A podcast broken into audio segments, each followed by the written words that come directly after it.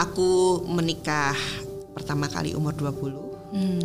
Kemudian menikah kedua kali umur 30 Mhm. dan menikah ketiga kali untuk di umur 40 tahun. Hmm. Aku ajuin ke produser satu, nggak ada tanggapan. Hmm. Produser dua, nggak ada tanggapan. Produser tiga, eh covid. Kalimatnya yaitu, kamu cantik ya. I love you so much and I want you to be my wife. Kalimatnya itu. Aha. Oke, terus jawabanku, hah? Kalau um, movie is your life, music is the blood. Kalau gitu tulangnya apa? Nah, itu dia tuh. Itu dia. Kalau aku setahu aku nih, um, Mbak Tia itu punya yang namanya tumpeng kehidupan. Iya. Bener, aku pertama kali tahu aku kaget loh, aku pikir wow, that's amazing. Um, dan itu aku baru pertama kali dengar istilah yang namanya tumpeng kehidupan gitu. Mungkin bisa dikasih tahu dulu tumpeng kehidupan itu apa dan kapan pertama kali dibuat tumpeng kehidupan itu? Oke, kalau untuk tumpeng kehidupan, I learn from my papa. Hmm, Ya mungkin karena aku anak papa banget ya, jadi jadi apa pun yang kata papa pasti aku eh, manutin gitu. Nah, kalau menurut beliau, memang filosofi tumpeng itu adalah kan tumpeng kan begini ya gunung tuh. Nah, di puncaknya ini, ini tuh eh, puncak kehidupan kita. hmm, Biasanya itu di umur 40 tahun. Oke. Makanya ada pepatah bilang life begins at 40. oke. Nah itu jadi eh, puncak tumpeng itu ada di umur 40 Nah terus udah gitu itu aku runut kan. Oke dari umur sekian aku begini sekian aku begini segala macam sampai tahun 2017 aku dapat Asia Pacific Film Festival begini begini begini. Bentar dulu puncak tumpeng. Belum masuk puncak tumpeng udah best music Asia Pacific Film Festival gitu 2017 kan. Aku itu eh, 2019 umur 40 tahun. Hmm, begitu 40 tahun aku ngapain ya? Gitu. Akhirnya ya udah aku aku tulis plannya. Eh kali aja jadi best music Oscar. Itu masih loh miss. Cita-cita itu masih loh. Iya. terus em, oh iya kali aja aku habis ini ngajar. Kali aja aku habis ini go internasional gitu. Jadi aku eh, malah jadi bikin bikin plan begitu udah nyampe tumpeng untuk agak turunnya sedikit. Kan kan tumpeng begitu kan naik terus jadi turun. Hmm, Nah, untuk plan ini eh, next plannya apa gitu. Tapi yang jelas pertama, yang pertama kali ah, begitu pas aku umur 40 gitu, aku mencanangkan aku ingin berkarya untuk dunia. Hmm. Jadi aku ingin berkarya atas nama Indonesia untuk dunia. oke, That's oke. it, gitu. Wow, wow. Apa pun sekarang gitu. Jadi eh, bukan cuma jadi penata musik Betul, mungkin. betul. Mungkin bisa jadi aku mengajar untuk penata musik berikutnya yang Yeah. berkarya untuk dunia. Itu Yeah. bisa banget gitu. Iya. That's me. Oke, dan dan itu em, berarti dari awal pun memang Mbak Tia udah diajarkan oleh Pak Bi untuk selalu punya rencana what's next, Iya. And- dan mem- mem- apa ya merencanakan masa depan dan menjalankan rencananya Betul, betul. Istilahnya tuh one step ahead. one step ahead. Oke oke. mungkin nggak cuma one step, thousand step ahead juga. Aduh cenayang kali ya. Oke, oke. Berarti dari begitu nanti bisa di kalau if you don't mind to share em, apa namanya Tumpengnya. tumpengnya. Itu harus dicari sih di Harus handphone dicari. adanya. Oke, tapi at least selalu berarti step by step. Jadi, sejak kapan pertama kali akhirnya membuat uh, plan seperti itu? Oke, pada waktu itu memang sih yang secara tidak tertulis itu memang sudah terpikirkan. Hmm. Jadi kayak aku afirmasi aja. Oke, aku ingin jadi penata musik film. Sementara pada waktu itu tahun 90-an dunia perfilman Betul. mati suri. Betul. Itu aku cita-cita SD kan. Hmm. itu aku terus aja pokoknya aku pengen jadi penata musik film nggak peduli orang juga mau ngomong apa ya ya udah pokoknya aku menjadi penata musik film gitu udah 2007 alhamdulillah kejadian Hmm. gitu kejadian aku menjadi penata musik film tahun 2008 ah, ya alhamdulillah dapatnya Ayat Ayat Cinta. Yes. kemudian tiba-tiba dapat penghargaan pertama Festival Film Bandung. Ya mana aku juga nggak tahu gitu mesti kayak oh rasanya tuh dapat penghargaan gini karena seumur hidup gak pernah dapat itu penghargaan. bonus ya ketika uh, kita bisa menghasilkan sebuah karya dan karya itu Iya. diapresiasi Iya. menjadi sebuah prestasi itu wow. Yes, that's bonus memang. Oke. Tapi yang penting kan semangatnya untuk terus menjadi penata musik film itu yang buat aku ya music is my life. Hmm. Malah sekarang music is in my blood. Hmm. Movie is my life. Oh. Gitu. Jadi musik dan film itu sudah satu kesatuan. Oke. Gitu. Oke, dan Itu tidak bisa terpisahkan. Yes. Oke. Kalau um, movie is your life, music is the blood, kalau gitu tulangnya apa? Nah, itu dia tuh. Itu dia. Lagi dicari. Lagi dicari. Oke. Nah, tapi em, mungkin kan semua orang kan pasti punya rencana ya. Tapi kan kita tahu kadang-kadang dari rencana tuh bahkan lebih banyak yang nggak berhasil daripada yang berhasil. Betul, Bener nggak? Eh, terus bagaimana Mbak Tia eh, me- menyikapi? Ada nggak sih rencana yang yang benar-benar pengen banget tapi akhirnya malah nggak berhasil? Ada, ada, ada. Jadi gini, hmm, aku tuh perempuan dengan kehidupan personal yang di luar perempuan-perempuan normal yang lain ya. aku menikah pertama kali umur 20, Hmm. kemudian menikah kedua kali umur 30 Mhm. dan menikah ketiga kali untuk di umur 40 tahun. Hmm. Tapi aku malu. Enggak sih, aku cuma berasa bahwa ini adalah bagian perjalanan hidup personal. Hmm. Dan ternyata perjalanan hidup personal ini mempengaruhi eh, apa yang aku lakukan di eh, future gitu. Di masa depan tuh oh plan aku akan begini begini begini gitu. Em, waktu pas aku menikah untuk yang ketiga kali, aku menikah dengan se- seorang eh, sutradara, yaitu sutradara iklan. Namanya Agil Syahriar. Dulu terkenalnya jadi Amir ACI. ACI gitu. Oh, aku cinta Indonesia. wow, kita sejaman ya. Iya, Karena sejaman. untuk TV-nya cuma satu. Programnya itu aku apa? Aku cinta Indonesia. Oke, oke. gitu. Nah, terus beliau tuh jadi beliau seorang ak- aktor. Hmm. Awalnya jadi Kak Amir, kemudian beliau main di Lupus gitu-gitu kan, Hmm. barengan almarhum Rian Hidayat. Habis itu di tahun 90-an ketika dunia perfilman eh sorry, dunia perfilman mati suri Hmm. dan pada waktu itu dunia iklan kan yang lagi ini. Hmm. Beliau juga sama. Beliau awalnya gulung kabel, jadi astrada, lama-lama jadi director dan lama-lama jadi top 5 director iklan gitu. Tiba-tiba tahun 2019 ketemu aku. Mhm. Itu berarti setahun setelah kita ketemu. Nggak sempet curhat sih aku. Nah, ini baru curhat sekarang nih Iya, aku. iya, iya. Nah, begitu ketemu, aku juga langsung dilamar. Jadi kayak taruh gitu.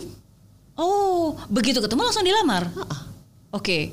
Nggak ada masa PDKT kenalan dulu, cari tahu. Enggak, Enggak taaruf katanya, berarti ya. Katanya eh, dia itu sudah mempelajari aku sejak tahun-tahun yang lalu. Jadi mempelajari tentang aku, aku juga bingung. ya itu kalimatnya ya itu, kamu cantik ya. I love you so much and I want you to be my wife. Kalimatnya itu. Aha. Oke, terus jawabanku, hah? Udah, gitu doang. Nah, terus tiba-tiba beliau dengan gagah berani eh, tiga minggu kemudian menghadap keluarga besarku. Em, beliau sendiri, seorang diri, nggak pakai acara keluarga besar datang. Ya udah, karena dia mencintai aku, ya jadinya kita bulan Mei menikah. Jadi kebayang nggak, Miss? Aku tuh ketemu itu ketemu virtual ya. Iya. Ketemu virtual itu di tanggal 5-6 Maret Mhm. ketemu beneran itu tiga hari kemudian. Mhm. Terus tanggal 24 Maret datang ke rumah papaku Untuk ngelamar. untuk lamar. Nah terus abis itu bulan Mei kawin, nikah, eh akad nikah, ijab kabul ya udah gitu. Nah tapi ternyata di situ aku merasakan mungkin karena dia sutradara kali, ya, Iya. jadi basic kita kreatif dua-duanya. Hmm. Eh, beliau juga punya harapan untuk punya dreams untuk eh, film pertama. Hmm. Beliau memang belum pernah punya film pertama sih gitu. Ada juga satu film berupa omnibus tapi itu benar-benar kandas di tengah jalan, ah, nggak tahu dengan alasan apa. Aku sebagai istri juga em, kepengen banget bisa menjadi part of his dreams Betul. gitu. Akhirnya aku membuat skenario. Jadi aku belajar nulis dulu, belajar nulisnya yang pendek-pendek aja dulu gitu buat keperluan workshop aku gitu. Karena kan ada ada workshop juga untuk musik film toh gitu. Ya udah itu di- jadiin sarana latihan. Aku menulis, kemudian aku udah cukup pede, akhirnya aku bikin skenario untuk film panjang. Oke. Nah, skenario untuk film panjang udah habis. Awalnya sih aku benar-benar bikinnya di handphone, jadi di handphone gitu. Tuh, tuh, tuh, tuh, tuh. Oh, Oke, stop dulu. Oke. Nah, ada bagian sini. Oh, yaudah oke. Nih, aku tulisnya gitu. Oke. Akhirnya di awal Februari aku uh, benar-benar nulis di laptop. Aku salin semua setelah udah nuker nama tokoh dan segala macam. Itu pun belum dibaca sama dia. Si skenario itu. Mau marah nggak sih? Tapi nggak boleh marah kan kita Iya. harus oke mungkin suatu saat nanti aku pengennya dia baca. Eh, Iya. mungkin suatu saat nanti dia akan baca gitu. Oke aku ajuin ke produser satu nggak ada tanggapan. Hmm. produser dua nggak ada tanggapan. Produser tiga eh covid covid dateng Iya. halo gitu kan Iya. ya ini gimana nih kagak mungkin syuting kan gitu kan Hmm. udah karena memang waktu pas covid ini eh, memang sih yang paling berdampak adalah perfilman Hmm. dunia musik semuanya kok maksudnya semua yang bagian hiburan itu pasti terdampak Oke. gitu oke akhirnya sudahlah aku rubah aja skenario jadi novel kali aja Hmm. habis pandemi gitu ya terus bisa syuting ada yang tergugah untuk membaca novel ini terus ah, ada yang ngajakin invest mungkin Yeah. mungkin gitu ya terus bisa syuting dan akhirnya jadi film gitu Oke. udah deh jadi film pertamanya suamiku gitu. aku tuh harapannya itu aja dan nggak nyangka sih eh, dirilis di bulan Mei dan Hmm. kemudian mendapatkan tanggapan yang luar biasa sih Miss maksudnya juga walaupun ini juga jalannya indie ya karena Hmm. Iya. selama pandemi itu juga mungkin rasanya terlalu minim untuk orang-orang pergi ke toko buku Betul. gitu dan segala macam gitu Betul. jadi malah jadi kecebur malah itu itu impian yang mungkin bukan gagal mungkin tertunda kali Miss tertunda tapi terus tiba-tiba eh, muncul oh ternyata ada hope yang baru nih Iya, iya. Kalau aku dengar dari apa yang tadi Mbak Tia bilang, itu sebenarnya eh, kekuatan cinta sih. Kalau misalnya dia bilang cinta itu menggerakkan, cinta itu memampukan, ya kan? Eh, ya dan benar. Maksudnya justru karena awalnya nggak kepikiran mau nulis novel, tujuannya cuma satu, pengen banget bisa eh, mewujudkan mimpi suami. Ya Iya. kan membantu mereka itu kan cinta yang menggerakkan. Akhirnya udah deh coba bikin skenario dan akhirnya dari skenario sekarang jadi buku dan akhirnya sekarang bukan hanya uh, musisi, komposer, penyanyi, nulis juga jadi nulis juga gitu. Itu salah satu bukti bahwa ya itu cinta itu bukan hanya menggerakkan tapi bisa uh, apa ya? Ya bisa memampukan kita untuk melakukan hal-hal yang awalnya kita nggak nggak pernah kepikiran bu kita bisa melakukan hal itu dan dan kita mampu gitu untuk melakukan hal itu dengan baik. betul Miss betul Oke. banget Oke, Wes. Jadi penasaran kan? Harus baca bukunya. apakah Oke. kita buka sekarang Yes, yes, yes. Boleh, boleh, boleh. Nah, jadi ini bukunya berjudul Panggil Aku Mama. Kenapa dikasih judul Panggil Aku Mama? tadinya judulnya bukan panggil aku mama Miss Mhm. tadinya tuh judulnya kapan kau memanggilku mama Oh. Terus kan aku ajuin dong ke Mas Agil kan. Terus Mas Agil cuma bilang gini, itu kagak kepanjangan apa tuh judul? Udah, judulnya panggil aku mama aja. Oh ya udahlah, manutlah sama suami namanya juga istri soleha. Udah, begitu di- bener loh, begitu pasti begitu pas ini, begitu pas ah, panggil aku mama dan tiba-tiba booming gitu ya alhamdulillah ya gitu dan ya tiba-tiba ya eh, semua menerima lah gitu Hmm. semua yang panggil aku mama panggil terus gitu aduh mbak Tia jangan panggil aku ibu. Jadi panggil aku siapa? Gitu. Aku jadi ketawa sendiri. Panggil aku mama. Oke, eh, berarti kan ini novel ya? Iya. Eh, eh, tapi apakah terinspirasi dari eh, pengalaman pribadi? Yang jelas dipanggil aku mama ini eh, 60% fiksi 40% fakta. Memang sih penulis itu pasti nggak jauh-jauh inspirasinya dari apa yang dialami kan gitu.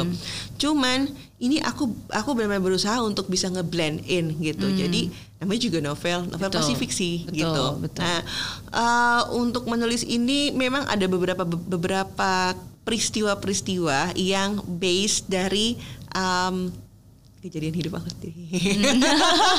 Dan juga ya kejadian hidup para sahabat lah ya. Oke. cuman memang lebih banyak kejadian hidup aku sendiri gitu. Oke, terus oke. juga memperhatikan juga anak-anak. Jadi em, aku tuh memang baru tahu gitu. Maksudnya gini perkembangan anak yang tumbuh normal dengan maksudnya dengan keadaan keluarga yang normal gitu dengan anak-anak yang memang orang tua yang mengalami perceraian. Itu tentu sangat berbeda. Hmm. gitu. Di mana anak-anak ini memang harus mau nggak mau menerima cinta orang tua yang lain gitu Iya. kan. Ah, which is siapa dia? Aku nggak kenal dia apa segala macam. Nah kayak gitu. Nah inspirasiku juga dari situ. Ya, Iya. mungkin karena perjalanan hidup ya dari wis tahu kan aku nikahnya kali terus udah, Iya. udah gitu ya ya melihat perkembangan anak-anak seperti itu kan iya bener-bener nggak mudah untuk mereka lalui. Di usia Ya. situ juga kan. Pasti. It's not easy. Ya. It's not easy at all. Ya aku merasa bahwa ya itu selama kita punya Tuhan kenapa kita harus terluka? Tapi buat aku sebutan sebagai janda atau single mom buat aku pribadi doesn't matter. Karena apa? Karena aku selalu berprinsip